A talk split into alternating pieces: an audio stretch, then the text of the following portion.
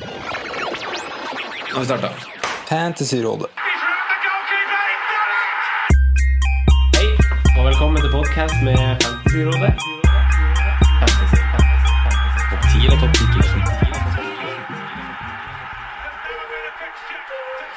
Hei, hei, og godt nyttår. Eh, velkommen til en ny episode med Fantasyrådet. Mitt navn er Franco, og jeg sitter her med to freaks and geeks. Snåsummannen og Jonas Berg Johnsen. Hjertelig velkommen til dere begge to.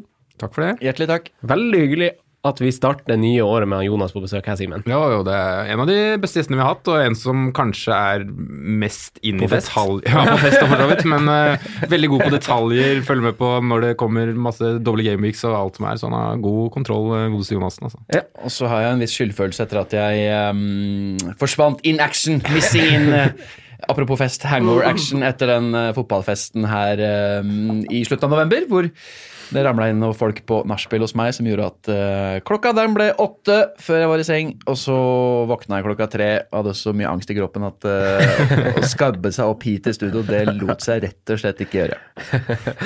Det her er siste episode uten Hans Sondre. Sondre han eh, befinner seg nå på Maldivene, men kanskje på vei til flyplassen. Han er Har han gifta seg på tur nå, eller?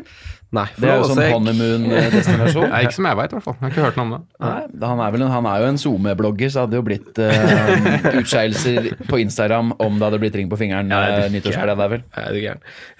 Men uh, hvordan går det med dere, Simen? Hvordan går det med deg? Hvordan har du hatt det i jula? Jeg har hatt det kjempefint i jula. Jeg Jeg har spist eh, mye julemat, mye ribbe. Jeg er ikke så fan av den pinnekjøtten. Vi hadde en god diskusjon om det rett før sending her. Men, Gud eh, hjelpe meg, sier jeg da. ja, det kan du godt si, men det er, det er ribbe som er greia. Jeg, er ikke noe, jeg har aldri vært fan. Du er, en, du er jo en enkel innlandsmann. Ja, det kan du si. Så mm, det kom ikke noe pinnekjøtt heller før, eh, før vi fikk en inngifta vestlending inn i familien, så da har det blitt med tradisjonen. Ja, riktig. Mm. Hva du har gjort i jula? Har du vært hjemme? Vært? Stort sett eh, hjemme, og så tre døgn på jobb, så ja. Du da, Jonas? Hvordan har jula vært? Jeg er jo Oslo-gutt, så jeg har jo ikke disse her eh, hysteriske første, andre juledag uh, fyllekalasutskeielsene som mange andre som drar hjem da, fra studier og jobbplasser osv. har. Litt misunnelig på det. Um, det er et veldig sånn flott uh, Oslo er for Oslo-folk-initiativ uh, på Revolver Ja. annen juledag, men jeg, er, jeg har ikke noe sånn festturbo jeg, ass, i romjula. Det Mett av mat og julebord og lei av livet, liksom. Så egentlig det er mye horisontalt. Mye fotball på TV. Prøvde å gå litt på ski. Ja. En høvelig sånn oppveiing for eh, åtte av ni dager på rad her med julemat. Så jeg er egentlig Nå er det, nå er det sånn eh, kavisk, patetisk satskjør på meg. ja, riktig, riktig. Ned et par kilo før eh, C-feltet er målet. Jeg har jo vært i Nord-Norge hele jula, eh, og der er jo litt kjøre, altså kjøredistansene i Nord-Norge er jo litt lengre enn hva dere er vant til her i sør. Mm. det var en av tingene jeg ventet med først til da, etter jeg fikk samboer som er fra Horten, hvor liksom svigerforeldrene mine ikke orka å kjøre til Tønsberg. Og så var jeg litt sånn der eh, så jeg litt sånn, ja. ja, det er så piece of, piece of cake. Men det jeg egentlig vil fram til, er jo at man kjører jo litt til litt tante og litt besøk og sånn i juletida. Og, og det som var sjukt digg, er jo at Wildcard spilte jo inn, inn episoder i jula. Ja, mange! Ja. og tro det eller ei, det krever jo faktisk litt, eh, litt planlegging å lage en episode. Så det var helt sjukt digg å høre på Kim og Kristian, så kred til dem. For, Der har du to Oslo-pølser der òg, vet du. Ja, som å stort sett ligger horisontalt i ribbefettet og, og steker. Ja, og apropos ribba, herregud, så masse, så masse tips vi fikk på julemat nå av dem. Og ferskvarediskmat. Bare vente til eh, mai og grillsesong, grillsesongen. Ja. Kristian har noen tips der òg. Men det er som Jesper Mathisen sier, ribbe er for håndverkere i lunsjen på tirsdager. Eh, fire runder er spilt inn siden eh, forrige gang eh, vi satt her, Simen. Og vi har annet bikka halvveismerket i Premier League-sesongen. Fantasy-Espen lurer på hvordan sesongen har vært så langt. Hva har vært oppturene, nedturene, hva har vi lært? Eh, hvordan gode bytter, dårlige bytter husker vi? Eh, Jonas, har du noe spesielle du, du vil trekke fram? Skal vi starte med opptur? På mange måter føler jeg egentlig at historien har gjentatt seg. Ja. Bortsett fra at uh, tutoratet og podkastmiljøet traff så hysterisk bra fra start. Sånn at uh, veldig mange som vanligvis gjør, den, gjør gode sesonger, har gjort veldig gode åpninger. Sånn at man, jeg føler på at hele det norske nivået er eh, har steget eh, noen hundretusener, i hvert fall titusener av hakk. Um, ofte kan man ha en god gameweek 1, og så plutselig er man en million allikevel etter fire gameweeks, fordi det er så jevnt selvfølgelig fra start. Men, så det har egentlig vært gøy da, å ligge på jeg har ligget på fire- eller femsifra hele sesongen. Det har jeg aldri gjort før. Um, fordi at starten pleier å være litt seig. Det er vanskelig å etablere seg tidlig. Så det er nå én ting. Eh, litt gøy at all den sommerresearchen faktisk eh, ja, får litt avkastning for en gangs skyld. Ja. Um, og ellers så er, føler jeg historien gjentatt seg med det at eh, bytter på fylla på natta, det lønner seg sjelden. Man må ha tålmodighet. Uh, Eden Hazar er fortsatt mitt største troll. Um, og en del sånne ting. Men alt i alt en, um, en mye morsommere sesong enn på lenge for min del. Ja, Hva spesifikt føler du at du har gjort riktig, da? Eh, Når, når starta oppturen? Var det helt, har det bare gått på skinner fra start? Jeg var eh, topp 30 000 etter Gamic 3. Oi, såpass. Så selv om jeg ikke hadde like mm, på en måte utløsningsfull eh, start som det du har hatt, så er den ikke så langt unna, da. Um, og siden har jeg på en måte ligget aldri dårligere enn ja, 50-60 har jeg jo vært nede på, men nå de siste ti rundene har det vært liksom fra 20 og opp. Ja. Så det, men det er- det å ta det neste steget, da, som, som føler jeg finner nøkkelen til det, som er en utfordring. Men uh, hva har jeg truffet på etter søren? Jeg tok min første hit først i Gamic 11. Det er også ganske vanlig. Eh, så tålmodighet har vel lønnet seg sånn høvelig. Um, men eh, det har vært å balansere. Så jo en forskjell også fra i fjor er jo at kapteins eh, har vært ganske enkle. Det var en veldig fin rotasjon med Aguero Sala lenge der som var trygg og god. Og um, der jeg i forrige sesong hadde Tammy Abraham som kaptein for Swansea hjemme mot Newcastle, så har jeg unngått den type eh, sinnssyke varianter eh, i år, da. ja, da har vi litt lærdom akkurat der, da. Ja. Simen, du da, hvordan oppturer vil du trekke fram? Oppturer, ja. Det er vel kanskje at jeg har klart å hente meg inn igjen litt nå, da, etter at uh, Ikke at jeg har vært så ekstremt dårlig overall, da, men litt som Jonas sier, at jeg har havna litt bak i leksa med tanke på Twitterate og de norske spillerne, Miljøet kanskje. ditt Ja, ja, ikke sant. Jeg ligger ganske langt ned på de private ligaene og sånne ting, da.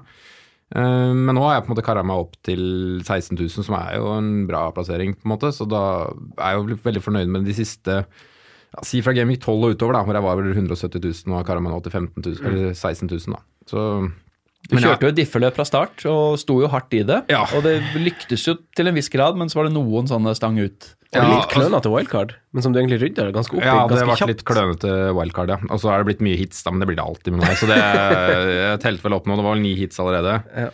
Så det lønner seg vel aldri, men i år så føler jeg på en måte alle toga lønner seg å hoppe på. Altså, det har vært et par spillere som har levert i tre og fire og fem runder, og så ja. Men de fleste har faktisk vært uh, litt mer long term, ja. ja Men der er det ikke kommet for seint til uh, kakefesten, da. kakefesten. Så, men så har jeg litt som jeg pleier å være òg, fryktelig høye topper og så kanskje litt lavere average-plassering. jeg har hatt to plasseringer med runde, runderanking da, på rundt 35 000, så Ja. man har kasta meg høyt oppover. da. Veldig bra. veldig bra. Hva med deg sjøl? Hva med meg sjøl? Eh, det, det går jo bra. Eh, nå har jeg prøvd å telle over det. Jeg er jo på 350.-plass nå. Og det har gått I jula så hadde jeg vel to, to røde piler og to grønne. Så det var vel fra 120.-plass overall, og så var jeg nede på 900, og så nå på 350. Eh, men det jeg følte sånn Jeg har jo også spilt litt sånn nøktern, sånn som du eh, antyder, Jonas, at du har gjort. Jeg tror jeg hadde min første hit også runden før juleprogrammet, egentlig. Første hit, og det første og eneste. Uh, kjørte jeg et tidlig wildcard. Det er liksom det jeg har skrevet ned og valgt å trekke fram, fordi jeg føler jo det er fordelaktig å spare, spare litt på det, men eh, det er viktig å være litt fleksibel når man ser løsninger som kan gjøres. Eh, Så jeg gjorde det egentlig ganske tidlig, og fra det tidspunktet så gikk det ganske bra. Da kom jeg meg tidlig på en del spillere som Fraser, Roll, Jimenez, sånn nøkkelspillere som, som bare bidro fra start. Mm. Hvilken runde var det du kjørte wildcard? Runde fire. Ja, for det er jo den første sånn standard. Det er det vi har gjort nesten hvert år de siste åra, så vidt jeg kan huske. Den første landskampspausen, gjerne. Eh, jeg drøyde den vel til runde ni ganske Nei, det lenge. Eh, Det er fint. Ja, egentlig så Ja. følte jeg Jeg og Sondre gjorde det samme, ganske like wildcardene. Vi hadde to differanser egentlig i hele troppen, sånn overall. Og begge traff egentlig ganske bra um, på timingen der, og fikk inn Kane blant annet før på en måte han hadde vært inne på noen lag i det hele tatt, f.eks. Stemmer det, stemmer det. Huddersfield borte der. Det var kanskje litt før, men jeg tenker på om runde sju. Vi var litt Ja, før det ute står der, der Sime. på meg så står det på Active 9. Jeg tror dere var én eller to runder før meg. Ja. Ja, ja, samme det. Men, um, så du har egentlig sånn sett fulgt den klassiske oppskriften. De fleste kaster jo wildcardet tidlig fordi de føler de ikke traff så bra. Ja. Ofte jo at de vil ha se an, da har de hatt tre-fire runder til å se an togene. Men det er ofte litt lite, egentlig. Så det er jo Jeg føler jo ofte at det, det å ta wildcardet såpass tidlig har backfired litt, fordi nettopp eh, togene ikke har vart så lenge som de har gjort eh, denne sesongen. da. Ja, det var en sånn skadesituasjon, husker jeg, egentlig, fordi jeg fikk skader på tre spillere. Jeg hadde Arnautovic fra start, han ble skada da. Eh, Richarlison fikk det røde kortet, ja, og det var et par andre òg som var som var oransje, bare, så da så jeg liksom bare muligheten. Det var ganske nærliggende uansett. Eh, nedtur, da, Jonas. Har du en nedtur å, å referere til? Ehm, ja, som vanlig. Flink til å dyrke, dyrke de stangutene, eller kall det hva du vil. Um, kom for sent til hasardballet igjen, og holdt på han hele den perioden han sleit litt med ryggen. Og så solgte jeg han etter en eh, sju-åtte runder hvor han nesten ikke hadde levert. Hadde bare et par poeng i snitt. Og så har han jo hadde han fem runder hvor han hadde 50 poeng. Uh, de fem påfølgende rundene etter at jeg hadde solgt han, og det er så ultratypisk. Eh, Men så har han heldigvis blanka et par på rad igjen nå, eh, og viser seg jo å være en klassisk hasard. Jeg vurderte jo sterkt å hitte han inn før forrige, så det hadde jeg jo vanligvis gjort, egentlig. Mm. Så litt glad for at jeg ikke gjorde det. Men ellers så har jeg aldri hatt Wilson. Nei. Frazier har jeg ikke vært på, og Jimenez har jeg også bare hatt i tre gameweeks. Kjøpte han inn da han eh, var tilbake litt sliten fra landslagsoppdrag og mm. så litt dårlig ut og sånn. Han hadde en tom periode. ja, han hadde det, og jeg hadde ikke tålmodighet med han den perioden, så da ble det Isaac suksess. og det var jo i desperasjon for å få inn igjen Mendy Ja. eh, da han var tilbake igjen, og etter det var jo ikke han noe vits å ha, egentlig, så det var litt, um, det var litt kjedelig den perioden der. Det var sånn nattehit. um, men uh, utover det så føler jeg egentlig at uh, jeg har vært sånn høvelig på ball. Jeg tok et par sjanser før jul, tok ut Sala før Bournemouth borte. Selvfølgelig bekmørkt å sitte i Costa Rica der og se et hat trick på morgenkvisten. um, og jeg tok også en kjempekjanse med Aubameyang ut. Mm. Eh, som også har eh, Ja, man må jo måle opp med det man har fått inn, da. Mm. men eh, Så totalt sett har jeg faktisk ikke tapt så grusomt mye hvis jeg ikke hadde cappa dem. Nei. Og det hadde jeg uansett ikke tenkt å gjøre, det var også vurderingen bak. Så da tenker du at poengsummen ikke var så ille, men når noen har dratt 42 poeng på deg før du har kommet i gang, så er det jo ganske mørkt, selvfølgelig. Mm. Du da, Simen? Den, største nedturen min i år er faktisk salget av Aubameyang. Ja. Jeg hadde jo han og var egentlig ganske standhaftig på at jeg skulle ha Du hitta han ut, du gjorde ikke det? Hitta han ut, og for Kane, selvsagt, og tapte et veddemål i tillegg. Og han svarer med 15, 12 og 8 poeng på de tre neste. Ja. Ja. Det, Men der beit liksom den der ja, ja, veddemåls... ja, ja, det er fortjent, og det er karma og det er alt som er. Men eh, den var tung, altså. Da gravde jeg meg eh, godt ned. Så egentlig, egentlig kunne man også bare hatt han hele veien, for så vidt. Hadde ikke hatt så mye å si. Men det er kanskje den største nedturen, og timinga med Jimenez, som vi har vært inne på. Jeg tror jeg har bytta ut og inn Jimenez fire-fem ganger. altså jeg, har hatt, jeg har hatt den i to bolker, vel. Altså jeg bytta den inn to ganger og ut to ganger. Da. Ah. Veldig dårlig timing på han. Så det er de to største skuffelsene for min del. Nei, Min, eh, min nedtur ligger egentlig ganske friskt i minnet, så det var ganske lett å komme på. For jeg hadde, jeg hadde som sagt to grønne og to røde piler i løpet av jula.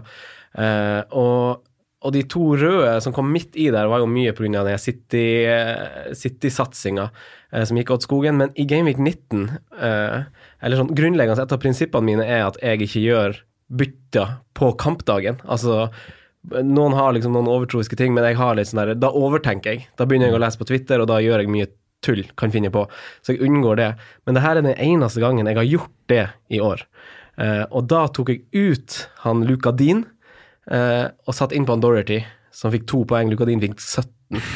Eh, og På laget ditt. på laget mitt. Ja. Altså, jeg tok Dean ut fra startoppstillinga. Liksom. Ja, og det her var en, en time før. Og i tillegg så fjerna jeg kapteinsbåndet fra han Son til han Kane. Og han Son fikk da 13 poeng, og han Kane fikk 6. Så det var litt sånn og det, altså det var på boxing day, og da var det bare Åh, jeg orka ikke åpne den regninga før noen dager etterpå. Altså. Boxing Day er jo den um, runden så langt med klart størst uh, skilnad også blant lag som egentlig ligger i toppen. Ja. Det var ikke bare tøyselag som fikk mye poeng, det var jo utrolig mange premiumspillere som gjorde det bra, og og høyt uh, andel spillere.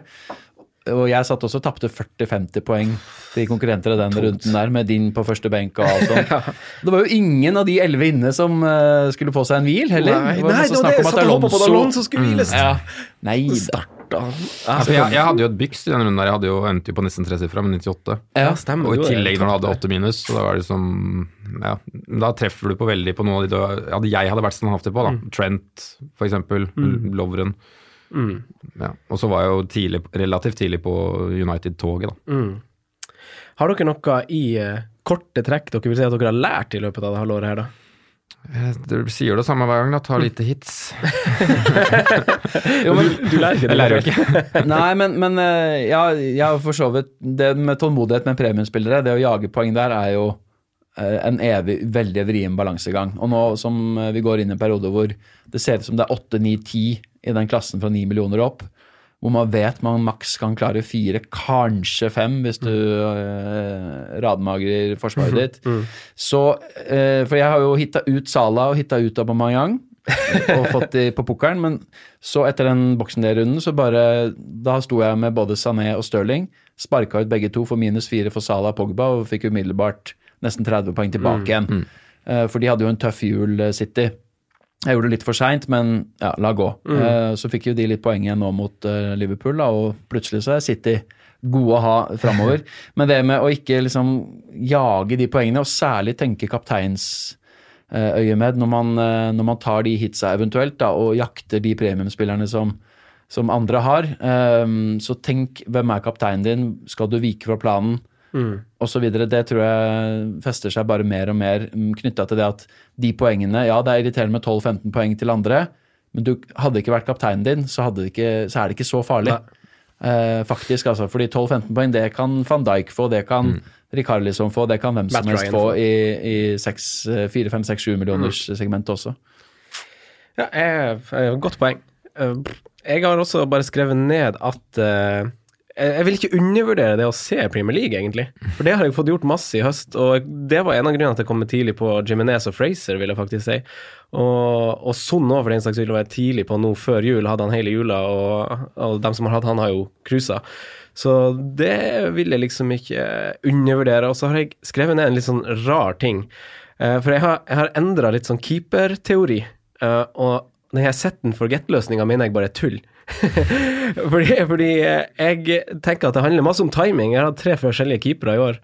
Eh, Jeg, hadde- jeg starta med Pickford, det gikk jo åt skogen. Eh, og så bytta jeg på wildcardet tidlig og fikk på han Ryan. Fikk de her tipoengene, bang, bang, bang, bæsjmekk. Og så planla jeg å, å bytte han Ryan ut, og nå har jeg han Loris i mål, som har håva inn noen syvere nå på de siste tre rundene. Så jeg syns, jeg syns ikke man skal undervurdere det. Hvorfor gjorde du det oppgraderingsbyttet der på Ryan til Lori? Det var bare for at jeg ville ha en Ryan måtte jo ut for så vidt uansett, ut, da. ja, Men jeg ville bare ha en, eh, en, eh, en spiller som jeg anså som en sikker sekspoenger, skaffer på en måte i juleperioden, og så torde jeg ikke gå for noen Vi prata mye om Spurs-dekning defensivt. Ja. Jeg tok jo Ederson i stedet, så det gikk jo veldig bra. Ja. For Ederson og Laporte har uh, irritert jo ganske lenge i høst. Man Ja. sto uten City-dekning bakover etter at Mendy røyk. Oh, fy det Men det har altså, vært deilig nå de siste Mm. ukene ass, å se hvor mange ener og toere det har blitt. det. har vært skikkelig deilig, faktisk. Jeg syns det var deilig sjøl om jeg hadde den. Mm. Du må si det. ja, det er klart. Det er godt at du fortsatt har Liverpool-briller eh, på deg, Simen. Eh, men apropos keepere, og Jonas, du har nevnt litt dobbel gameweek eh, på vei inn døra her. Eh, jeg tenkte på de som er på wildcard nå, må jo tenke litt at de må ha to spillende keepere. Kanskje de slipper å bruke et keeperbytte når de skal begynne å ha double gameweek og benchboost og det opplegget der. Og da har vi jo noen billigkeepere som etter hvert har begynt å spille da, i han og Angus Gunn. Men eh, Jonas, hva var siste nytt på double gameweek? Det som det spekuleres litt i hos Ben Krenlin og co., er jo at eh, de frykter veldig at det kan bli en ekstrem opphopning av kamper for City, Tottenham eller Chelsea. eh, siden eh, til all sannsynlighet City går til finalen etter at de møter Burton i semiene. Nå er det første semi denne uka, og så er det Tottenham-Chelsea som er litt mer eh, åpent. Um, men det er jo stor sannsynlighet for at i hvert fall City og Chelsea, og for så vidt også Tottenham, kan gå et godt stykke i Champions League. Det er alle med FA-cupen fortsatt. Det kan bli så mange kamper at ikke de klarer å få plassert alle sammen fra Gameweek 30-31, som vi er vant med at blir double gameweeks. At det kan hende at eh, noen av lagene sitter med tre kamper å ta igjen. Derfor har det vært eh, diskutert om man skal framskynde eh, møtene de har i Gameweek 27, når man ser hvem som går til Lia Cup-finalen, til Gameweek 25. Å, dæven, det er ikke lenge til. Og det er ikke lenge til. Eh, nå har vi lagt Gameweek 21 bak oss. Det betyr at det bare er fire gameweeks til. Nå er jeg usikker på når dette vil bli en realitet, om det i det hele tatt blir det, når det blir offentliggjort. Det må vel bli ved sammenheng med trekninga i gåseøynene av final- ligafinalen, da. Ja, altså nå er det jo ikke lenge til de kampene mm, eh, Det er jo semifinaler nå også neste uke. Men eh, Premier League har jo også en minstekrav til hvor tidlig, eh, hvor sent kamper kan flyttes, og i hvert fall flyttes fram i tid. Sånn at um, dette her er nok noe som avgjøres relativt raskt. Men hvis Chelsea f.eks. skulle gå til uh, finalen og møte City, så har jo Chelsea da en mulig dobbel i Gamic 25 med Brighton og Huddersfield hjemme. Og der, Og da begynner vi å snakke ok, skal man selge Alonso nå allikevel? sånn at jeg står helt uten Chelsea-spillere, tilfelle bare. fordi at da vil man bli ganske desperate til selvfølgelig å ha Hazard og eh, Alonso, vil jeg si, og kanskje Louis eller en tredjemann. Ja. Da, såpass er det verdt. Men da begynner jo også det her med blanks i 27 å dukke opp. fordi hvis det samme gjelder City, som har en litt mer vrien kamp i 25, men like fullt, Um, så, du, så kan det her komme tettere på oss enn eh, venta, da, dette med double og blank game weeks. Som jo er en fordel for oss som tenker mye og spiller mye, tross alt. da. Mm.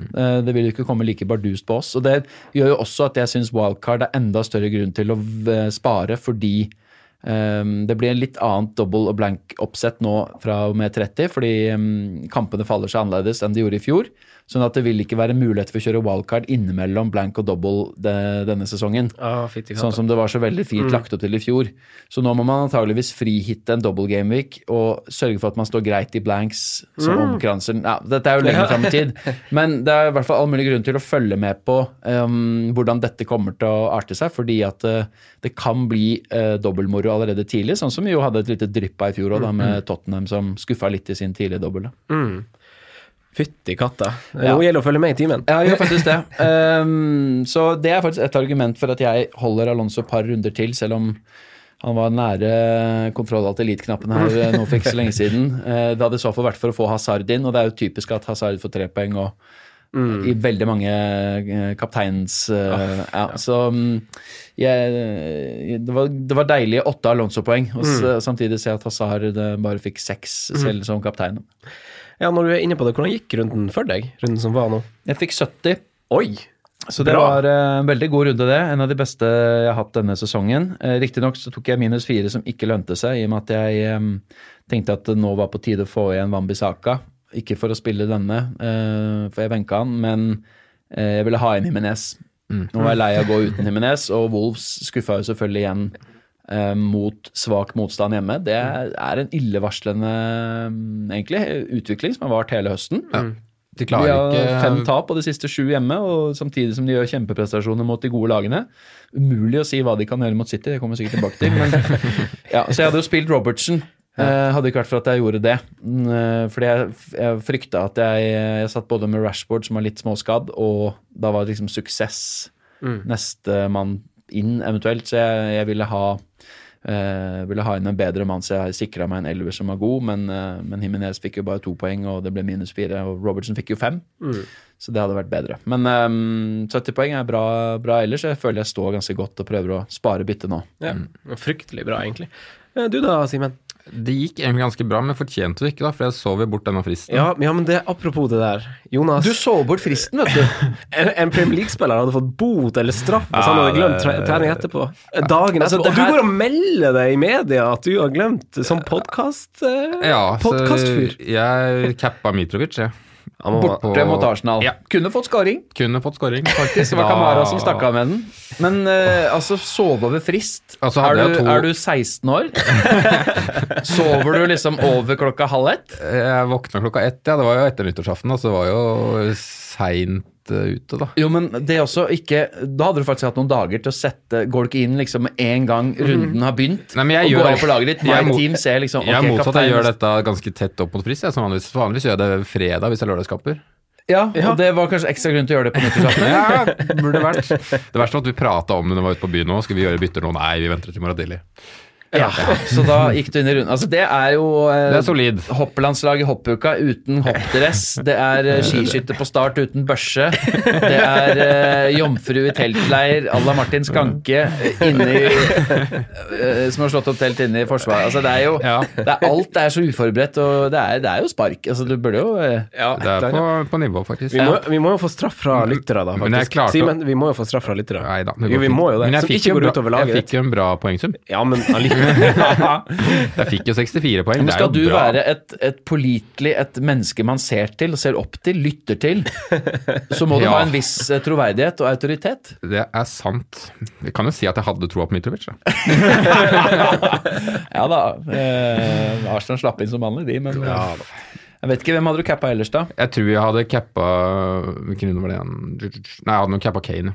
Ut fra, Ja. hvordan jeg ser Så det laget gikk mitt. ikke grusomt Vi hadde, hadde Sa som visekaptein, men jeg tror ikke jeg hadde tatt ham bort mot, uh, mot City. Nei. Så hadde det nok vært Kane, altså hadde det vært en tolver. Altså, det hadde vært ganske mye poeng òg, vet du. Det er- Ja, men det er ikke, det er ikke, diffen er jo ikke større enn diffen mellom Kane og Mitrovic. Det er bare fire poeng i diff. Det er jo ikke all verdens. Nei, Kane hadde tolv poeng, Mitrovic hadde to og ti poeng i diff. da. Da fikk Kane tolv? I uh, fikk- runde 21. Fikk han tolv nå? Ja, det gjorde han kanskje. Mm. Oh, ja. ja, da er det Ja, faktisk stemmer, ganske det gjorde han. stor. Alle Da hadde er det ti poeng diff. Scoring, assist og tre bonus. Det er litt det. Selvfølgelig. Det beklager. My bad. Men da gikk det bra for deg allikevel, Simen. Ja, det gikk jo greit, da. Ja. Selv om jeg kanskje ikke fortjente det. Ja, da hadde du hatt 74, da. ehm, Da hadde du kanskje vært helt oppe i ryggen min, da. Ja, ikke sant? Fittekatta. Det er vondt å tenke på nå. Ja. Hva tenker du, Franco? Nei, vi må finne på noe, vi må finne på noe lurt. Eh, jeg fikk eh, Hvor mange poeng fikk jeg? Det glemte jeg å skrive ned. Jeg fikk Fikk jeg 74 poeng? 74, ja. Ja, ja jeg fikk 74 poeng. Eh, det var jo han eh, altså, altså, det som er tunga på vektskåla her, er jo at han Sané skårer, og han Sala holder seg eh, stille og rolig. Eh, ellers så er det jo Jeg hadde jo en Hazard som kaptein, men jeg hadde også de her Tottenham-spillerne. Og han Loris i mål eh, holder nullen. Eh, og så var det jo jeg, jeg For noen uker siden så var jeg jo veldig sånn lei City-spillerne, og var litt på nå må jeg bare bli kvitt dem, få bort han Stirling og han Sané. Eh, men Simen, så sa jo du bare litt sånn eh, I sånn skriveri så skriver jo du ny og ned at de er et av verdens beste lag. Ja, Og det fikk, det meg, fikk meg bare til å tenke litt at et av verdens beste lag må altså vinne en fotballkamp. Eh, selv om det er mot Liverpool, så, så må, må man bruke litt skjønn. Og han, eh, han er jo i form, han Sané òg, så jeg må, ville prøve å ikke være så reaktiv med, de her, eh, med han Sané. Så så han leverte jo, han. Så man må holde hodet litt kaldt, så det var jeg litt fornøyd med. Men apropos han er, eh, og, eh, sånn her, og mål, for den saks skyld, eh, og expected goals, XG, som det står og Om man leser expected goals på én, så betyr det at det forventes ei av ei går inn i mål, sant? Riktig. Så for eksempel en straffe eller en, en spiller som blir spilt på blank goal, gjelder som på en måte- 080-085. ja, ikke sant. Av målet til sa Sané mot Liverpool, gjett gjett hvor masse den var beregna til i expected goals. Sånne skudd fra skrå vinkler har veldig lav eh, expected goals ofte. Ja, I hvert fall hvis du er venstrebeint òg, antar jeg. Eller, eller jeg har ikke noe, jeg har noe å si hvilke bein du er skyter med. Nei, det har, ikke, det har ikke noe å si. Det har ikke det? Nei, De tar ikke hensyn til hvem som skyter. Det er derfor sånne gode avsluttere alltid outscorer XG-en sin over tid. Sånn, ja. for eksempel. Nei, men den er vel sikkert en 0,25-03, kanskje? Nei, jeg tipper den ned mot 0, 10 jeg. 0,1.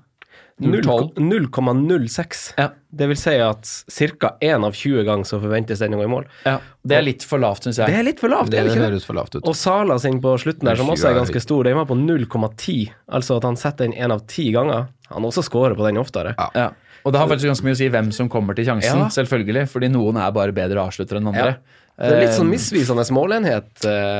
Ja, det vil jeg si. Og den type avslutninger fra kant, da går det drastisk ned i forventa goal. Og det gjør at den XG-en er litt Den er ikke eh, ufeilbar, for å si det sånn. da. Nei. Langt derifra. Langt derifra. Eh, vi skal over til litt lytterspørsmål, litt talking points. Det er egentlig masse å snakke om, så vi må rett og slett prioritere. Herregud, så mange spørsmål vi fikk på Twitter. Ja, det var Eh, gøy, da. Vi må takke, vi må takke for alle som sier det. ja, Og heldigvis litt opp samme gata en del, da. ja.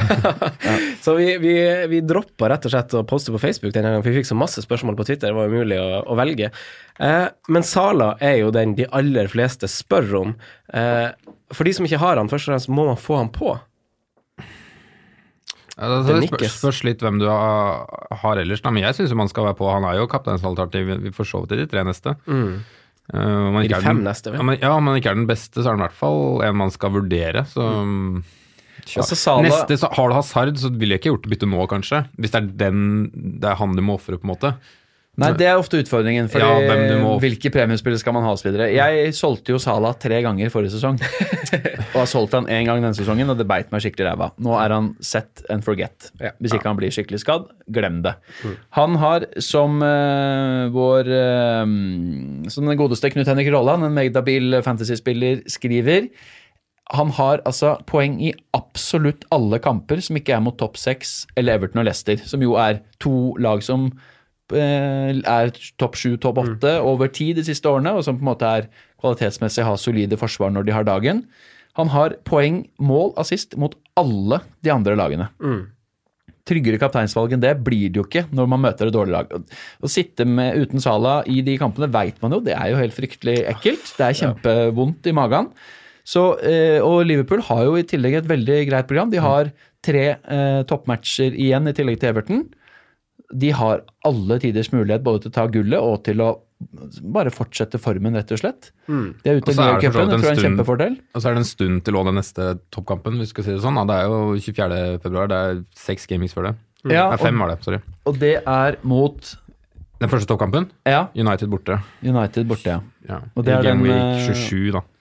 Ja, ikke sant. Det er den blank gameweeken. Det kan bli en veldig interessant gameweek, faktisk. Ja, da kan det for så vidt være lurt å ha den for så vidt òg, da. Fordi fort spiller ikke City der. Eh, Chelsea eller Tottenham kommer ikke til å spille der. Og så eh, møter United Liverpool. Det blir en eh, runde å tenke på litt om noen uker og stable. Men eh, jeg mener at Salah eh, er bare Det er for jævlig ikke eie han. Så enkelt som det. Har du han nå? Ja. Ja. Jeg kjøpte han inn igjen etter et par, par smertefulle runder der. Før, så kjøpte han inn før Arsenal og cappa han. Ja, for spørsmålet på. Det er er gul ball, vet du. Må han Gul på ball. Altså, må man ta Altså, hvis det ikke er en enkel mulighet for å få han på nå til Brighton borte, som angivelig er et ganske sterkt heimelag, også med ganske sterke prestasjoner, både underliggende og resultatmessig, over jula, faktisk. Eh, altså, tar man minus fire for å sette på han Sala nå? Eller klarer man å på en måte Eller skal man navigere seg til å bytte han i neste runde inn igjen? Vente til sonen-exiten er jo kanskje Ja, det er jo min plan, i hvert fall. ja. det, Selv om det er jo fire-fem millioner opp der. Sonen-exiten kan jo for så vidt være nå òg, da. De har jo United som er, er ikke det hans siste kamp? Jo. Jo. Jo. Den kan være nå, den. Ja, men han Son skal sette et par forbi han DGA før han reiser til eh, Ja, Ja, og han er i, Selv en spiller som er i så god form, gjør ikke, ass. Nei. Ikke nå, selv om det er United, så har United sett temmelig like ut uh, i hele høst. Solskjær har ikke endra noe voldsomt på det. Nå har de to clean sheets mot Newcastle og Reading, men skal ikke legge for mye i det. Uh, det Tottenham-laget med, eh, med hvor Son kommer til å dundre på, de var jo forrykende i FA-cupen også. Han spilte jo der og han. så jeg tror at uh, det er litt skummelt å ta fire minus på Son, ville ikke jeg gjort. Nei. Det er det, det jeg også har landa på, for det er jo situasjonen jeg, jeg, Men er det sånn jeg at, er i. er det sånn at uh, AC-mesterskapet allerede er i gang, siden Ki allerede hadde dratt? Ja, ja. Ja, han fikk lov til å bli igjen litt. Okay. Og, og det, kan, det er verdt å nevne at Sør-Korea er jo favoritter. Uh, og når han reiser nå etter United, så er det, er det to kamper han, han kommer til å stå over han Son uansett. Og så spiller han eh, Finalen spilles 1. februar, og så er det en ny kamp 2. februar i Premier League. Og den rekker han Så, ikke, da. så, nei, så han står mest sannsynlig over tre kamper, skal man tolke det til at han kommer Ja, så langt kan i bli, hvis de kommer til finalen, så kan det også bli fire. Fordi da er det bare tre dager fra finale til de har en midtukerunde. Ja, ikke sant. Så det kan, Og i tillegg vet man ikke hvordan Spurs har sett ut. Han har jo hatt lang reise, belastning, litt den Mm. Man vet ikke om han får en liten hvile, rett og slett. Kan, så jeg har, sett, jeg har diskutert med noen på Twitter om det kan være aktuelt å beholde ham. Mm. Fordi det kanskje lønte seg å benke Rikarlison i de to kampene Mm. i høst. Fordi man kjøpte Walcott eller Mkhitaryan. Gud forby, glemte jeg å nevne i oppsummeringen. Eh, lærdom gjentar seg. Følg magefølelse. Ikke kjøp spillere du vet kommer til å floppe. Um, og det er helt riktig at det, det var sånn sett bedre å ha Rikarlison enn um, Mkhitaryan den gangen. Men å sitte med 8,5 og 9 millioner på benken i denne fasen, mener jeg er helt uh, Ja, ja, hodeløst. Det går ikke. jo- Nei, nei, nei, helt enig. Så, uh, men hvordan har du tenkt til å gjøre sonen til Sala, da? Du må jo ha noe penger i banken, Ja. eller gjøre noe annet. Jeg har, jeg har, to, grat, jeg har to bytter nå, og jeg skal bruke det ene på Altså, han, han Kane skårer jo ikke uten han sånn. Eh, det her har vi snakka litt om på Twitter. Uh, og for det første, min skepsis til Tottenham kommer litt ved at de to siste skåringene til han Kane syns jeg er litt sånn Det er jo sånne langskudd som, som man ikke forventer skal skje helg inn, helg ut. Det er bra mål, han er god, men man forventer ikke han skal skåre sånne mål. Så det er litt sånn flaks for oss som har eid han, syns jeg. I tillegg så har Spurs fire av sine fem kamper, neste kamper hjemme på de humpa til Wembley, du, hvor det viser seg at det ikke går så veldig bra. De har tapt en tredjedel av kampene sine der, og så vet du ikke om de får ny stadion, det er litt sånn uvisst. Eh, og uten han Son, så har jo han Kane eh, snittene på fire poeng. Eh, mens med Hans Son så snitter han på åtte.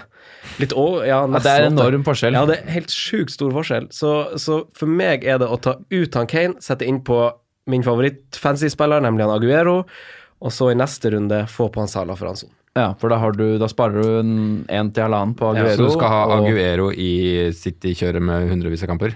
Ja, ja, ja. Han Aguero er Ja, fordi Du venter jo selvfølgelig til eh, du har sett Burton nå, men jeg Ja. vil jo tro at City For det første sparte de han jo i FA-cupen. Da spilte jo Stirling. De stilte overraskende sterkt, Ja, egentlig, ja, City. Mm. Jesus brente og brente, han. Og, eh, og så er det jo ligacupen nå. Og Liverpool spiller jo i kveld mot Wolves, det må også sies. Det Kan jo bli en Salah-skade, for alt vi vet. Ja, men jeg ganske sikker på at det kommer et uh, Rotasjonskjør. rotasjonslag der, altså. Ja, Da, noe annet ville jeg ble vært veldig overraska om noen absolutt. av de Men, men hva kom en liten kommentar til det med Son. Uh, for Ja. Son var jo uh, ikke tilbake igjen i starten av sesongen. Da var jo han litt sånn til og fra. Mm. Uh, da er jo Kane tradisjonelt svak, og var jo også litt tung etter VM sjøl. Um, sånn at de periodene sammenfalt jo litt. Så det må vi jo ta med i beregningen, da, at Kane uten Son nå kanskje vil være litt bedre enn det snittet der tilsier. Og så er det sånn at han har spilt um, sju kamper uten Eriksen fra start også. Der har det også vært betydelig nedgang i antall mål eh, og målpoeng for Kane. Nå er jo Eriksen i kongeform og, og spiller alt, eh, etter at han fikk seg sammen med Kane en hvil eh, før jula mot Leicester. Sånn at, eh, at Eriksen spiller er jo i mine øyne omtrent like viktig eller viktigere som at Son spiller. Ideelt sett begge to, ja. Ja. Og Tottenham sitt program er jo veldig lekkert, men nesten det at det er så mange hjemmekamper som du sier på den humpede gressmatta, er jo, teller jo egentlig negativt. Ja. Faktisk. Hadde han hatt de tilsvarende kampene borte, hadde jeg vært mer keen på å beholde han. Ja, litt det samme, faktisk. Men samtidig, hvis de får den nye stadion i orden, så er det jo nesten en sånn boost man kanskje vil være med på. Ja, når den kommer, ja. Når den kommer. Men det virker jo ikke som den er rett rundt hjørnet heller. Nei, jeg har ikke hørt noe nytt. Nei. Men eh, hvis vi skal snakke altså nå er vi, Det er en sånn felles eh, konsensus om at Sala han må på. Eh, det er greit hvis man, ikke, hvis man har han, så vær, vær happy med det. Men hvordan, hvordan flere toppstogs skal vi Altså Hvis vi skal rangere noen, hva tenker du, Simen? Hvordan vil du trekke fram? Ja, du prata om å gå Kane til Aguero. Jeg har vurdert sterkt å gå Kane til Aubameyang. Mm. Han, sånn som, som du sa, sa også i en chat, at han, han trenger ikke å spille så bra. Han trenger ikke å ha så mye tørt, trenger ikke å ha så mye involvering, men han dukker opp og scorer. Han er vel hva er han her på nå? 14 goller allerede. Og hadde 10 i fjor, altså på ca. en sesong, da, så er det oppe på 24. Det er ganske solid, det, altså. Altså, Det er ikke mange spillere i verken Arsenal eller Premier League-historien som har skåra så mye mål på sine første eh, 30 kamper i Premier League. Nei, nei, nei. Um, så det er ellevilt. Men det jeg er litt skeptisk til, er at det nå er Western borte, som kan bli alt mellom himmel og jord. Arsenal har vunnet 5-1 på London Ja, Stadium så- og herja, men de har også blitt knebla. og Jeg var der i vinter når de spilte 0-0, og jeg syns jo ikke borteformen til Arsenal er spesielt eh, lovende, selv om de har scora en god del mer eh, enn under Wenger og tatt flere poeng for så vidt. Så er jo en sånn bortekamp mot Southampton et bilde på hvordan de ligger an, og de, de har en XG som har de har skåra mye mye mer enn expected goals i jevnt og trutt denne sesongen. Det er laget Ja. med klart flest flere mål. Jeg så det sjøl. Um, så Aubameyang, selv om han jo også har svidd en del enorme og faktisk har ganske gode XG-tall, totalt sett har jo laget skåra mye mer. Um, og nå er det Western borte, så er det Chelsea hjemme. Jeg tror ikke det blir liksom øh, sinnssyke tilstander der. Og så er det riktignok en veldig fristende hjemmekamp mot Cardiff, og så er det City borte.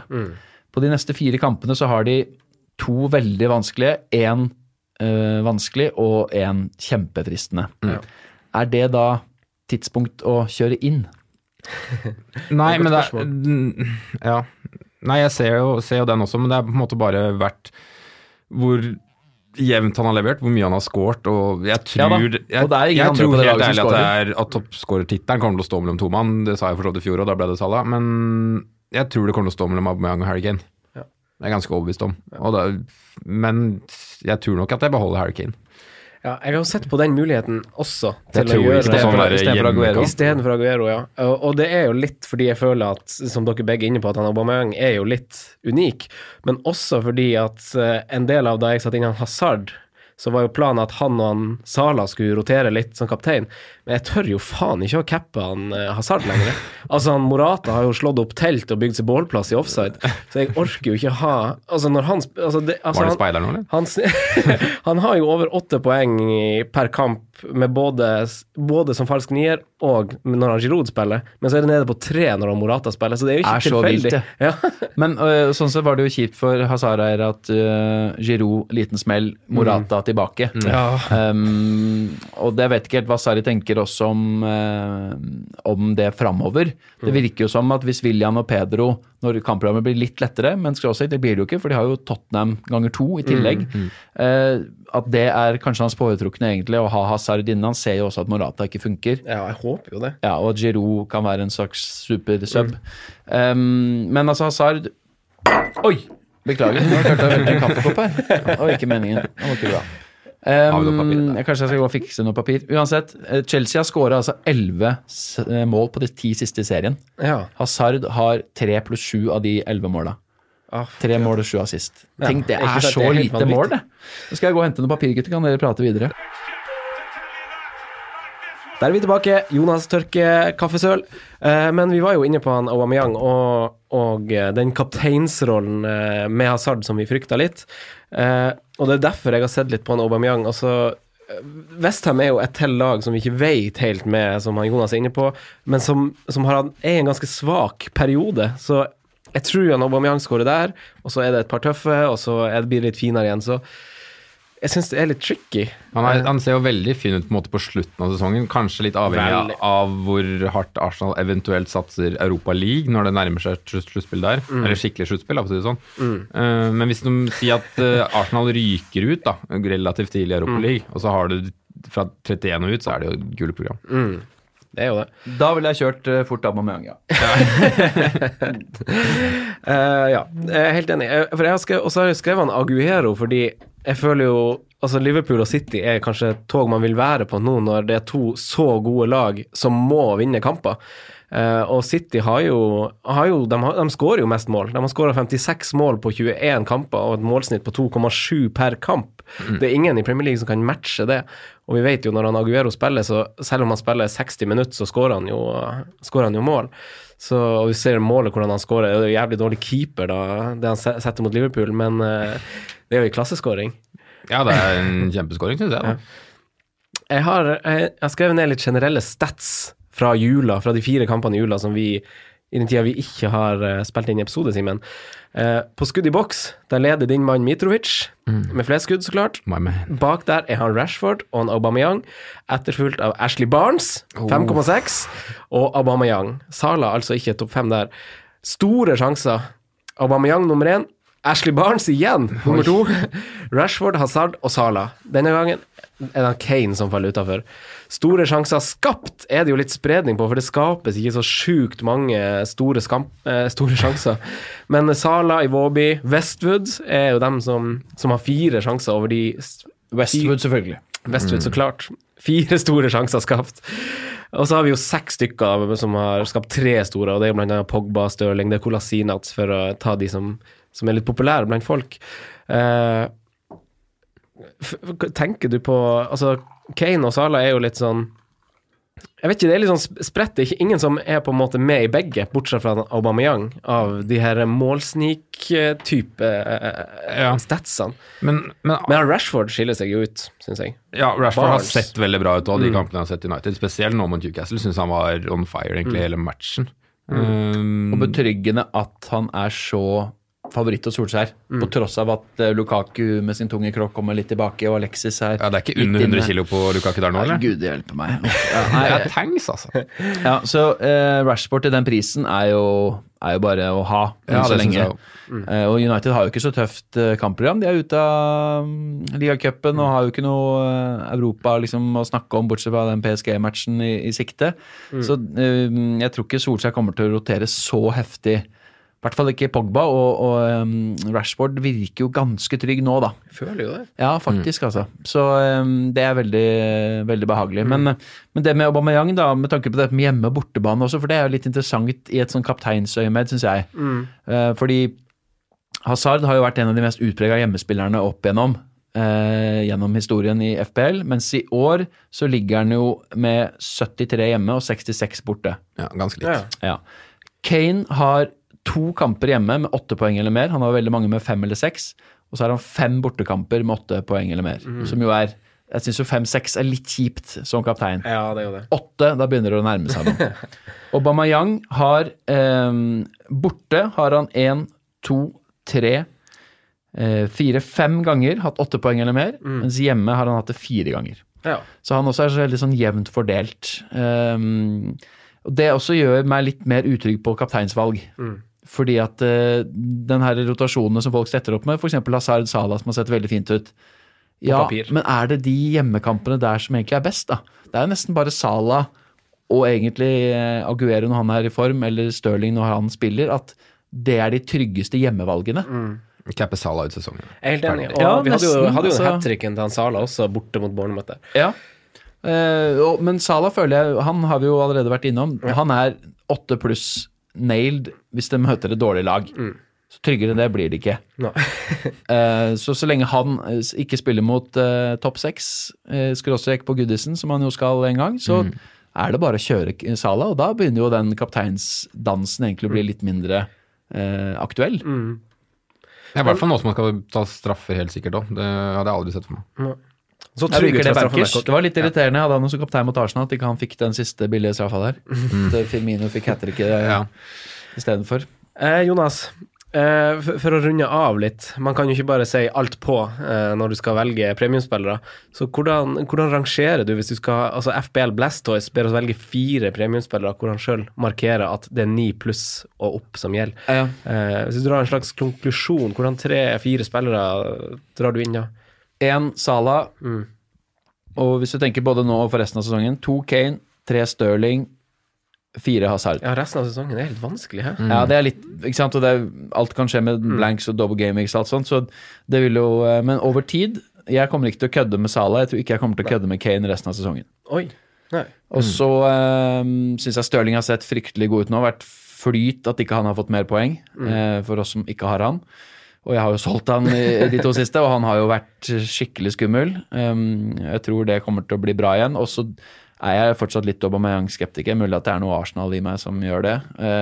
Og så syns jeg at Jeg tror at eh, ja, Aguero har vært et trygt valg, men det har vært mange seksere og tidlig bytts eh, gjennom sesongen allikevel. Det gjør at det ikke er et så must for meg. Og så er det digg hvis du bare velger Hazard og ha han. Fordi han er main man i Chelsea. Dette med spilletid er jo ikke uvesentlig, selvfølgelig. Man må bare ha han hvis man skal ha han. Ja, det tenker jeg. Det tenker jeg. Um, men så øh, Det er så vanskelig, altså.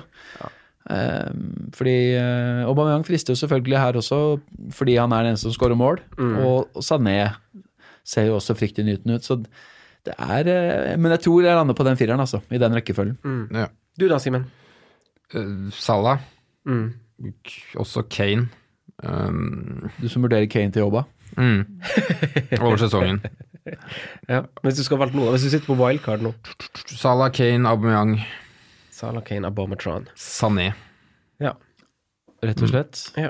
På grunn av at det er litt billigere, da. Du kommer, noen, Ja, du kommer et par mil billigere unna en Hazard Stirling. Ja, enig. Ja, Eller det, det jeg mente. Det blir jo en vurdering, selvfølgelig. fordi akkurat nå som i tillegg Pogba er så heit, Son er så heit, eh, Rashford, eh, Rikarlison, eh, Arnatovic Du har en del i den sjuer-åtter-bracket nå, som gjør at du kan ikke bare dumpe ned i eh, Du må liksom, ja, på en mellomting et eller annet sted der. ja. For da hadde du kunnet fylt opp laget med Frazier til 5,5, Jimenez til 5,5 og Pereira til 6, som de jo ikke koster lenger heller. Nei. Så hadde det vært et annet bilde. Men eh, det er en del av de i midtsjiktet, og jeg har jo i tillegg hatt et dyrt forsvar hele sesongen. Jeg Har jo spilt 5-2-3, 5-3-2 for det første gang i år, mm. en del kamper. Og det har eh, jeg tjent på. Ja. Det var med tungt hjerte jeg solgte van Dijk nå. Um, Har du, har du hatt van Dijk og Robertsen? Ja, Aha, lenge. stilig, Det har redda meg i et par av de tøffe Ja.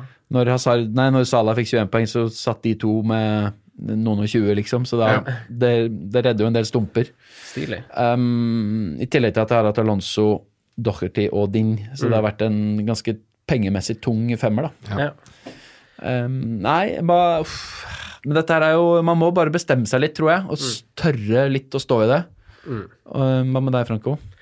Uh, jeg har skrevet, akkurat som dere begge påpeker, egentlig at han Sala han, han står urokkelig der nå, tenker jeg. Og så er det litt sånn flytende med de andre, syns jeg. Det jeg skulle ha valgt i dag, så, så ville jeg ha valgt han Aguero, eh, og så ville jeg Altså ville jeg valgt enten han Aubameyang eller han Hazard.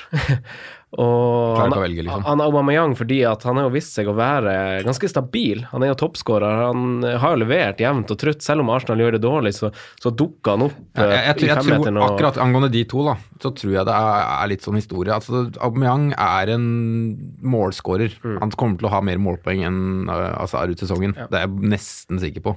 Hazard er en fantastisk spiller, antakeligvis liksom bedre spiller enn Aubameyang, men jeg tror ikke det blir liksom like Ja, som du sier, jeg tror ikke han kommer til å levere når han kommer til capen, og jeg tror ikke han kommer på like høye tall. Nei. Så, Nei, og dette har jo litt med å gjøre hvor man vil putte pengene òg. Om, eh, Ja fordi man har jo sett noen power midfielder nå, midtbaner nå med fem gode. Der er jo tre premium og ingen dyre spisser. Mm. Og så har du levd på Rashford, Jimenez og Wilson. kanskje Narnatovic. Mm. altså, Det har vært mulig, det òg, mens du kan snu på det. Um, hvor mye får du igjen inn i den tilsvarende posisjonen for sju millioner på midtbane eller spiss? Og der, der også må man jo ta noen valg, sant? Hadde ikke, hadde ikke vært kaptein, altså hadde man bare spilt som i draft da, uten kaptein, så tror jeg det hadde lønt seg med billige spisser og power mid Ja, Så- det er nok riktig. over en sesong. Jeg syns det høres litt digg ut med en 4-4-2, egentlig. Å kjøre Litt sånn Hodgson, som som- Jonas er inne på, litt sterke forsvarere som, som viser seg å lønne seg gjennom sesongen. Power midfield, og så to dyre spisser, og så den billige spissen bakerst på benken. Altså, Ja, det går an. Nå har jeg akkurat bevega meg vekk fra det. med suksess Men, ut. men hva, med, hva med om man bare kjører to av de her dyreste, og så, og så veier opp med det, f.eks. ved å ha Sané Pogba, eller når den tid kommer, Son tilbake og Pogba. Er det også en løsning eh, som er mulig å kikke på? Altså, da må man jo ekskludere en av Salah Ja, jeg, er veldig usikker på det nå, for jeg tenkte jo på en måte at sånn tipper jeg at jeg tar ut nå. Uh, tror ikke det blir noe kjempesum mot United, men det er jo en gamble, som du sier. Det er en formspiller. Så er jeg liksom usikker på hva vi skal gjøre med Pogba på sikt. da, Om jeg skal bruke de to da, til å komme meg opp på f.eks. en tier eller noe sånt. Elver. Altså, hvordan jeg skal liksom bruke de to byttene, eller om jeg skal gå ned to hakk for å eventuelt uh, gjøre, kunne gjøre Rashford til en dyrespiss på sikt. da. Liksom Hvor jeg skal legge meg på de to byttene der. Jeg har jo bare to inne nå, fordi jeg har Son, Pogba, Carlisson, Rashford og et dyrt forsvar. Så jeg har bare Kane og Salah. Ja. Står uten røsten, røbbel og bit. Ja, og det, det- det er for lite. Jeg står også bare med Kane og Hazard. Ja. Ja, og så har jeg Sané og Sané er litt Sané i den bracketen, tross alt. han er fra 9,5, og det er Det vil jeg si er Men hva, hva tenker dere om Eller Jonas, eh, hva tenker du om Hva, hva, hva skal du gjøre med en sånn? Hvordan bytte planlegger du der? Hvem er naturlig erstatter? Bytter man opp? Bytter man ned? Ja, nå er det jo faktisk en stund til, og det er veldig mange. ikke sant? Du har hatt FA-cup nå, så er Mm. det Liga Cup denne uka, så er det én Premier League-helg, og så er det en Liga Cup igjen. Så det er ganske mye å ta hensyn til Mm. før jeg må gjøre det byttet. For jeg kommer til å spare nå. Så det kan hende det er halvannen uke til jeg gjør eh, byttene mine. Mm. Um, som gjør at jeg syns det er litt vrient å konkludere. Men sonen til Sané eller Sterling eh, er ganske sikkert. Mm. Om det innebærer at eh, Kane må bli litt billigere? Kanskje. Mm. Um, og at jeg, hvis det ikke blir en Chelsea-double i 25, at eh, Alonso ryker Ja. for å finansiere det. Men at det blir sonen og opp, det er helt sikkert. Ja. Og nå har, da får jeg altså sette Carlisson i én kamp til. Jeg syns han har litt fristende program med Southampton og Huddersfield eh, etter det. Men Everton og han syns jeg har vært veldig tamme i jula. Vært skuffende. Eh, bortsett fra den litt rare matchen mot Burnley hvor han ikke deltok noe særlig. Så eh, det kan hende at Rikarlison også ryker i en del av et regnestykke her på sikt. da. Så eh, det er ikke så lett å si, men at det blir sånn til Sané eller Stirling er ganske sikkert. Ja.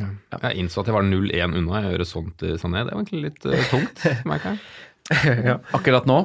Ja, akkurat nå, ja. Ja. Den er Jeg hater det. 0-1. Klassiske Jeg 0-1. kommer aldri unna. Men hva tenker du, Simen? Altså, det er jo en gyllen mulighet til å omstrukturere laget sitt eh, ved å bytte ut en spiller i den prisklassen til å enten oppgradere et annet sted, Mm. eller på en måte skifte midlene fra et sted til et annet. Jeg, jeg må Hva nok, tenker du? Jeg er litt enig at jeg må nok få på én på en måte sånn trygg heavy hitter til. Da. Det, det må jeg. Men jeg, jeg tror nok det blir fort Sané, fordi at han, det er han jeg er nærmest, og uten å gjøre altfor store rokeringer. For jeg er egentlig ganske fornøyd med hvordan jeg står nå. Eh, kanskje ikke like fornøyd med at jeg har Snodgrass som jeg hadde den- var når jeg satte den på, men uh, ellers så står jeg egentlig veldig fint. Og jeg kan godt spille nesten Ja, i neste runde så kan jeg bruke Camarasa, syns jeg, hvis han er klar. Så jeg syns jeg står egentlig ganske greit. Mm.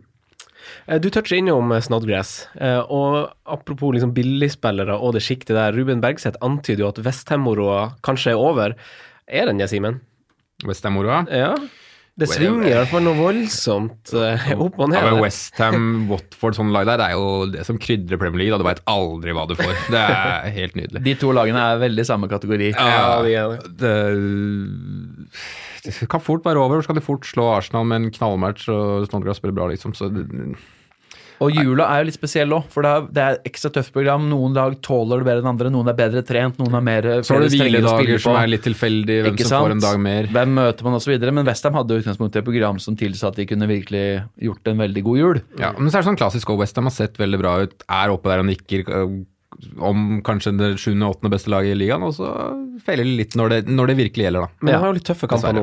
Eh, De har jo Arsenal hjemme, og så er det Bournemouth borte, som så litt mer ut som sitt høst sjøl eh, nå forrige gang. Og så er det Wolverhampton borte, som, som kanskje er i samme kategori, som man ikke vet helt hva skjer. Ja, Wolverhampton, må jo den Og så er det Liverpool. Så det er jo Ja, så er det Palace borte, hvor Ja. veldig få lag skårer noe særlig mål, tross alt. Sant. Um, Og Fulham òg har jo begynt å lime igjen. Som er, og så er det City borte. Så da har du en uh, neste sju som er ganske ganske kaster, vriene. Fjern det. Ja. Men deretter har jo Westham et kjempeprogram. Ja, om Men- sju runder. Skal du vente sju runder, da.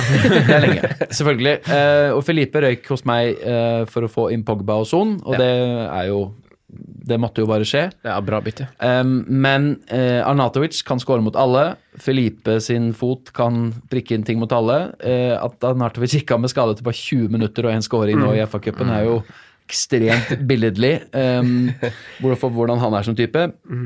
Westham kan jo, altså Arsenal kan jo slippe inn tre mål mot Westham. Ja da. Og Det kan også bli 0-0, som da jeg var der i februar. Uh, mot, Bournemouth og Wolves borte, det kan bli Møter de de lagene på sitt beste kontra sitt verste, så er det himmel og hav i forskjell. Så der er det Westham er sånn ordentlig Det er noen diffe-kamper der. Hvordan Bournemouth-Westham, Wolves-Westham ser ut. Når folk har Fabianski, kanskje en eh, Det finnes noe fortsatt noen Sabaleta, eller hva sier man? Ja, nei, det finnes noe. Nei, jeg har ikke Sabaleta. Nei, Felipe Anatovic osv. I tillegg til. Doherty, eh, Rui Patricio, Raúl eh, og Bournemouth-gutta som noen Det finnes jo noen Frazier og noen Wilsoner og noen figurer der ute enda. Så mm, der har du Jeg syns det er vanskelig å spå. Men um, det kan kanskje være et tegn på hvordan de gjør det mot Arsenal. da Om det på en måte blir en 2-0-seier, de gjør det bra. Eh, Siste sjanse. ja, og, og det kan være en plattform for en fin videreperiode kontra det motsatte. Ja, vi ruller den av, runder den av der, kanskje. Eh, Watford, dere er jo litt inne på det. Eh, litt synd med den skaden til han Kabasele. Han og Cathcart har jo passa hverandre godt som duellspiller og backup-spiller, noe som blir sterkt påpekt av avisa Watford Observer. Klassisk sånn der FM-oppsett, vet du, med en ja, sånn ja, ja, eh, en do- backup. ja, ja. og, og de og Wolverhampton er jo eh, et par av de lagene som kan måle seg med topplagene når det gjelder underliggende stats og defensive tall, selv om Watford kommer fra litt svak hjul. Eh, det kan hende at det er litt pga. den skaden til eh, han stopperen, han Kabasele, men samtidig så ser jo han Pereira og Delofeu ser jo gode ut, og sistnevnte, han hadde jo vært helt der oppe, hadde ikke den skaden hindra han i starten av sesongen. Han tar støtt og stadig poeng, han er out of position, masse involvert. Det er jo Men X-faktor-type bytta ut og litt Ja, benka fortsatt. da. et, Litt sånn øh, Fysikken hans er i hvert fall ikke tålt til desemberprogrammet 100 Bandelofeu, har ikke han spilt masse? Ja, han Han spilte mye i desember, men fram mot det så er det så mye sånn der 50-60 ja, ja, ja. minutter. Som Han, er, mye, han er vel alvorlig skade i tidlig høst, han spilte ikke det er eh, vans Men det er, jeg føler det er en spiller som ikke kommer til å spille liksom 90 minutter når han kommer tilbake heller. Det blir litt sånn ut og inn, tror jeg. Men Tror du det? ja, Vil jeg ikke tror det. en gang du ha en Delofeu? Jeg vil, jeg vil heller ha Pereira. Ja, for han, han spiller jo alt. En halve millionen opp og gått Pereira som en, en tryggere type som har veldig Han skal ha poeng i to tredjedeler av kampene sine mot lag utenom topp eh, 6-7, Mm. og er nailed eh, og main man egentlig i det offensive til Ja, helt enig. Helt enig. Watford, det, selv om Delufeu eh, Og de kan jo jobbe sammen også og gi poeng til hverandre, mm. men av de to så er det Pereira definitivt den jeg ville um, hatt fortsatt, altså. Selv om Delofea er en artig diff når han drar inn poeng. Ja, Um, ja, koster jo så lite. men hva som gjelder uh, Watford med forsvarere, uh, så er jo det utfordringen at de har sluppet inn 18 mål hjemme på 11 kamper. Sluppet inn 13 borte på 10. Og de har, de har jo også helt vanvittig gode underliggende stats på bortebane. Ja. Det er jo merkelig. De har en veldig god oppsett borte. De har vunnet en del, eh, imponert, mm. både på Molyneux, London Stadium osv., osv., og, og holdt nullene ned der. Foster i et sånt rotasjonskeeperkjør har jo vært et mareritt, fordi han holder bare nullen borte nesten, Ja. og redda straffe på Goodison osv. Så, videre. så skal du kjøre Watford, så må du i hvert fall ikke tenke at du skal legge noen eh, benkerunder med de gutta på bortebane. Det er ikke smart. Nei, nei. Eh, Burnley, da. Ikke defensivt, men de har jo to seire på rad nå, og til og med en clean sheet etter at Heaton kom tilbake. Men Ashley Barnes, eh, som vi nevnte da vi dro opp litt stats i stad, 5,6 spiss. Eh, hva, hva tenker du om han da, Simen? De har jo litt fine kamper nå framover. Man Ja. vet jo aldri når det snur for sånne lag. Men Da. det er så mange ja, Jeg får ikke plass til en Mashley Barnes i laget mitt. Jeg skal ha Mitrovic og Rashford. det er jo liksom er jo, Så har du Jimenez, du har Wilson, ja. Ings til og med, selv om han har jo faktisk også Og nå kommer Dominic. Solanke òg, så dette er, det er ikke plass til Ashley Barnes. Men, men Burnley har jo skapt flest store sjanser av alle over jula. Over alle topplagene. De har 37 skudd i boks, kun United, Liverpool og Pelles har mer enn det. Eh, men det man er jo redd for med sånne tullelag, er jo at man vet jo ikke når det snur. Altså sånn, Du kan hive på en Barnes nå, og så, og så begynner de med å slippe inn 1000 mål eh, i kampen. Jo, men det viktigste er jo at han har fått begynt å spille. Mm. Han har jo ikke vært fast i høst. De har jo hatt ganske mye terning tre-spisser å velge mellom Mm. Burnley egentlig over flere sesonger. Men nå har han spilt fast. Det har sammenfalt med at Burnley har gjort det bedre. De skaper masse, som du sier. Mm. Og han var jo en veldig fin 6-7-poengsspiller i våres. Ja, Skåra jo i mange kamper på rad og var veldig fin å, å ha. og Jeg tenker at han er ikke UFN som en tredjespissmann i konkurranse med de vi på en måte nevner her. Du sparer litt, for en million billigere. du da- sparer litt, ja, men exactly. du sparer litt cash, da. Det Ja. gjør det også. Det er en løsning hvis du kanskje skal primært spille 3-5-2-4-4-2. Mm. For husk at Så kanskje men jeg skal like- spille like stort sett med tre spisser. Ja, men samtidig så Av de neste eh, fem, da. Fulham hjemme, Watford borte. Så er det United, hvor du kan benke ham borte. Så 15 hjemme, Brighton borte. Da har du fire-fem kamper hvor det er ekkelt å benke han, syns jeg, da, hvis du først har han. Ja, Faktisk. Man må, ja, man må minne seg litt på rollen hans og prislappen hans. Han er jo først og fremst en enabler, hvis du får han inn. Det er jo for å finansiere en power midfield eller et dyrt forsvar i tillegg, på en måte. Så, så det han kom, kommer med eventuelt, blir jo, blir jo mer bare en bonus, da, litt som han Fraser var i høst, selv om han leverte så til de grader. Ja, og kampprogrammet fram til 34 for Burnley er veldig fint. Det er United borte, Spurs hjemme og Liverpool borte. Eh, jevnt fordelt utover, litt innimellom, som er tre, tre mulige benkekamper. Ellers er det faktisk 10-11 kamper det går an å spille Ja, av. altså. Ashley Barnes! ja, det, og så lenge han virker ganske trygg i laget, og det gjør han med 90, 90, 90, 76, 79, 84, 82 siste. Ja, Vært med på den snu, formtrendsnuinga. ikke sant? også. Sean Dyche vet hva han får med, med Barnes, og mm, ja, ikke, det er ikke ueffent, altså. Og når vi er inne på litt form, Jonas eh, 0,9% eierandel, da snakker vi det. Men når vi er inne på form, Jonas. så Tempton har jo mange billigløsninger i alle posisjoner. Alt fra keeper, forsvar osv. Hva tenker du? De har jo, er jo inne i et fint program akkurat nå. Jeg blir så sint når folk spør meg på Twitter om Andros Townsend og Nathan Redman. Kan folk slutte? Vekk! Vekk! Det er troll, ja. Det Men, er men han, over julekampene så har jo han Redmond 28 poeng, da. Fire kamper. Som er ganske bra. han så mye? 28 poeng. Uh, Danny Ings har 10. Eh, jeg må, og han har jo spilt mindre. Han kroppen hans tåler jo åpenbart ikke det kjøret. Men jeg måtte kikke på heatmap i de kampene hvor de spiller samtidig. Og han Ings er jo sånn som flyr rundt over hele banen. Men, og heatmapet til han Redmond er jo Høyt. foran han, ja. Ja. Så, så eh, til 5,2 er det ikke interessant. Er det ikke, Fortjener ikke spillere nye ark? Holdt jeg på å si. Nei, ark? det Nei. Noen, noen fortjener ikke New York, det er helt riktig. Og Redman er en av de. Og se, Redman har altså spilt 90 minutter i nesten alle kampene denne sesongen. Han har to mål og to assist. Altså, Men når har de to målene og to assistene kommet? De har kommet nå i jula. Ja, Det er riktig. det er ganske bra. De har kommet i løpet tre, i løpet av tre kamper. Ja, og det er typisk. En sånn eh, 13-poenger der, og så en sleiv sleive goal, og så er vi plutselig skal Redman inn på laget. Så spørsmålet er om man jager poeng, eller om man hopper på et formtog. Man hopper ikke Nei, på noe som helst. helt enig. Men programmet er selvfølgelig ganske lekkert etter ja, Leicester borte, Everton hjemme er jo ikke griselett, men så er det Palace, Burnley, Cardiff, så det er jo det er noen interessante kamper. Men hvis jeg skulle gått Southampton, så ville jeg heller gått en femte forsvarer i Cedric eller eh, Bednarek. 3,9 og 4,2. Ja, nå- Cedric er jo fin. Altså, han er jo Når han spiller i form, det er en av deres beste spillere. Ja. Eneste lille memo er um, Southampton spilte bare med fire bak nå i FA-cupen. ja? Kan hende det var fordi uh, Hottenhassel ville teste det. Mm. Hottenhasse, Høttenasse Hysenhattel. Eh, Hasselnøtt. ha- Og da spilte Stevens og Westergård eh, stoppere. Ja. Og Westergård har jo vært den beste stopperen hos dem, syns jeg i hvert fall, av det jeg har sett. Eh, og så har de jo en del utfordrere, både Yoshida og Holt. Yoshida er jo samme bolken. Og Bednarek, til- han er i Asia. 3,9, Ja. har jo spilt i Premier League nå. Hvem?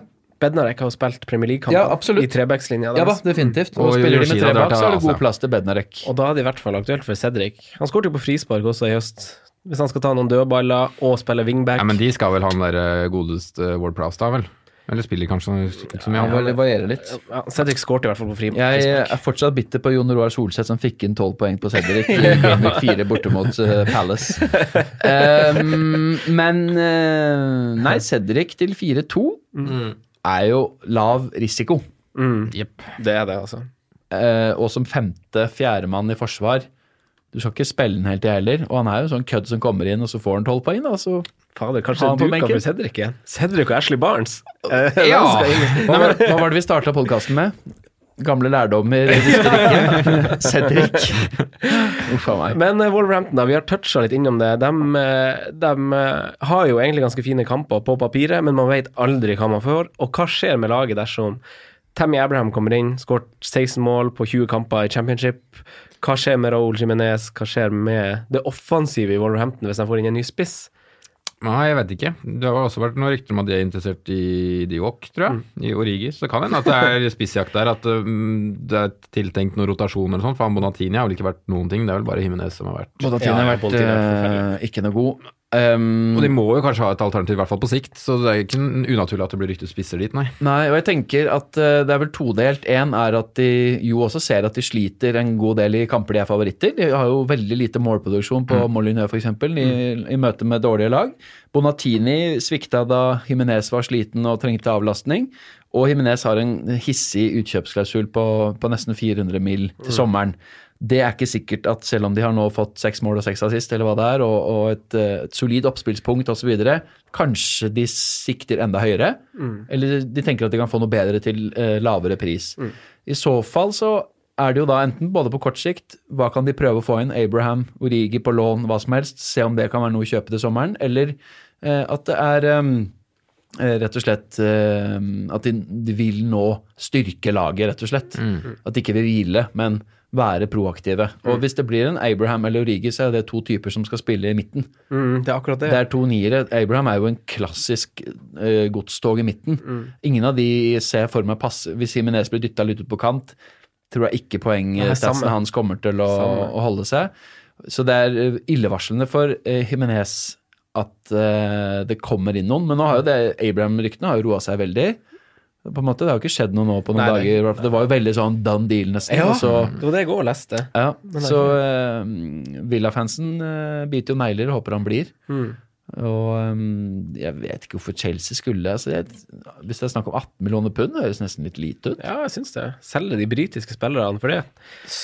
Ung, skåra så mye i championship i to anledninger.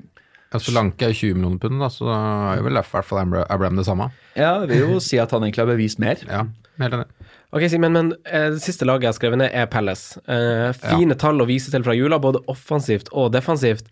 Eh, billig keeper, eh, Guaita, inntatt plassen mellom stengene der. Eh, koster 4,2.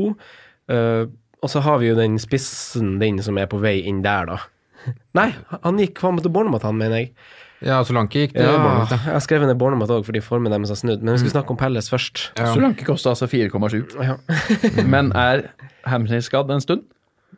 Ja. Så det er ikke noe å tenke på enda. Nei.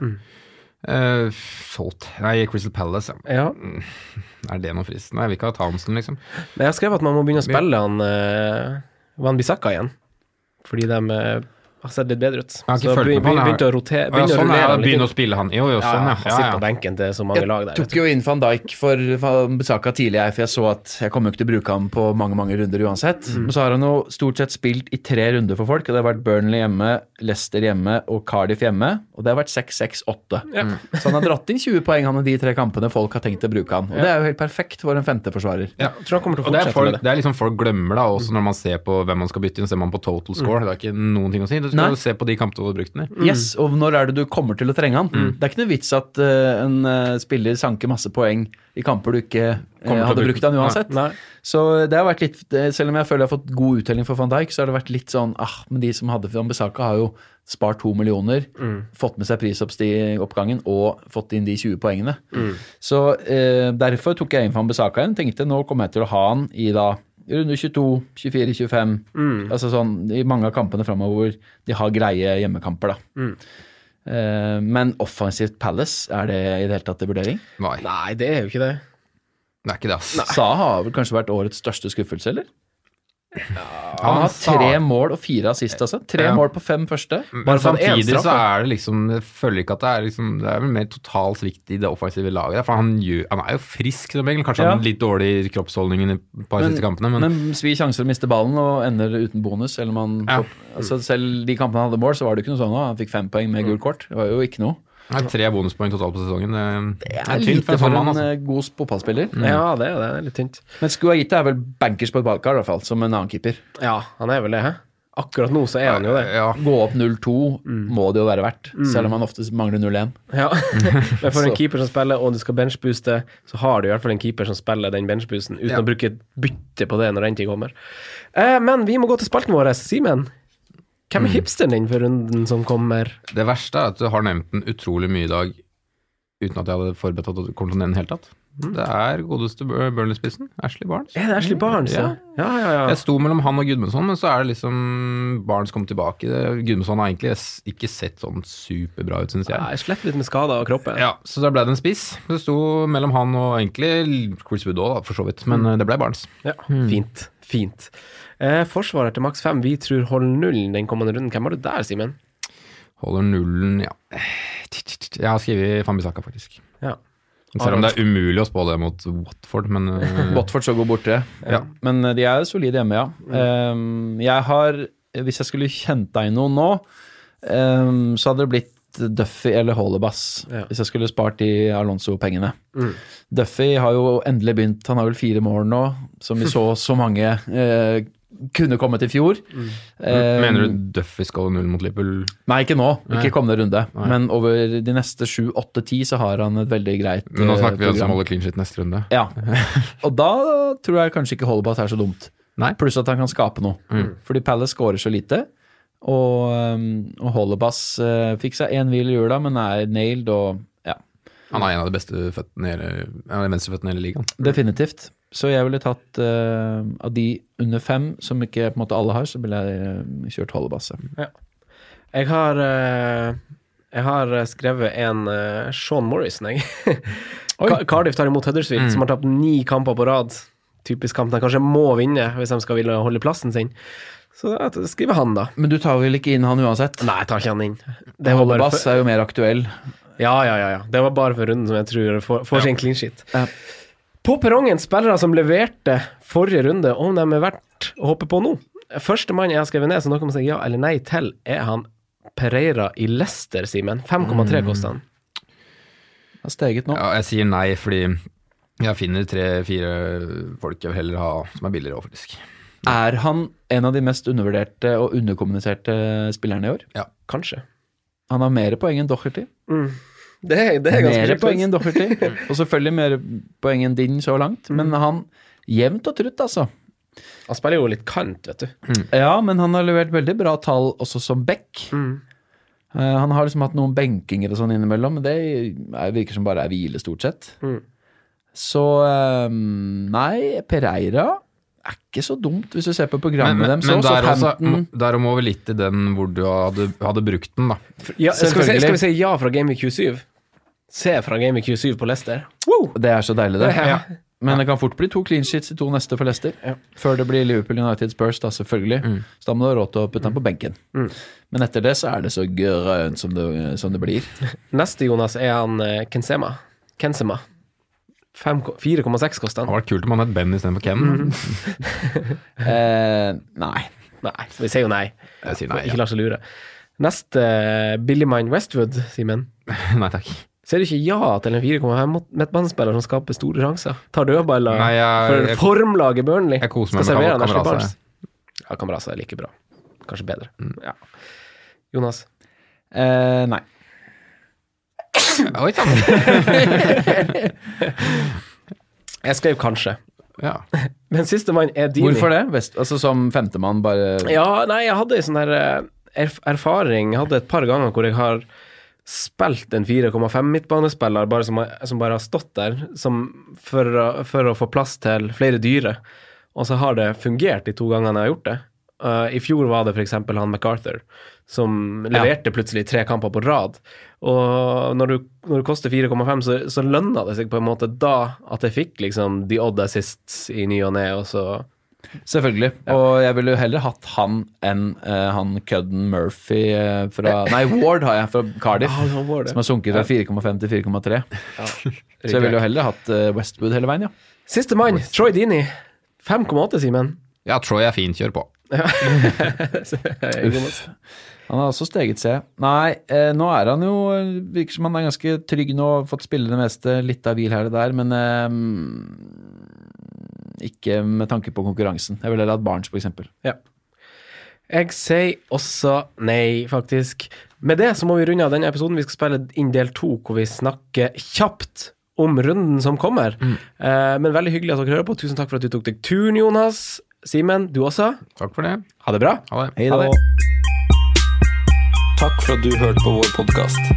Vi setter stor pris på om du følger oss på Twitter, Instagram og Facebook. Vi er fans i rådet på alle mulige plattformer.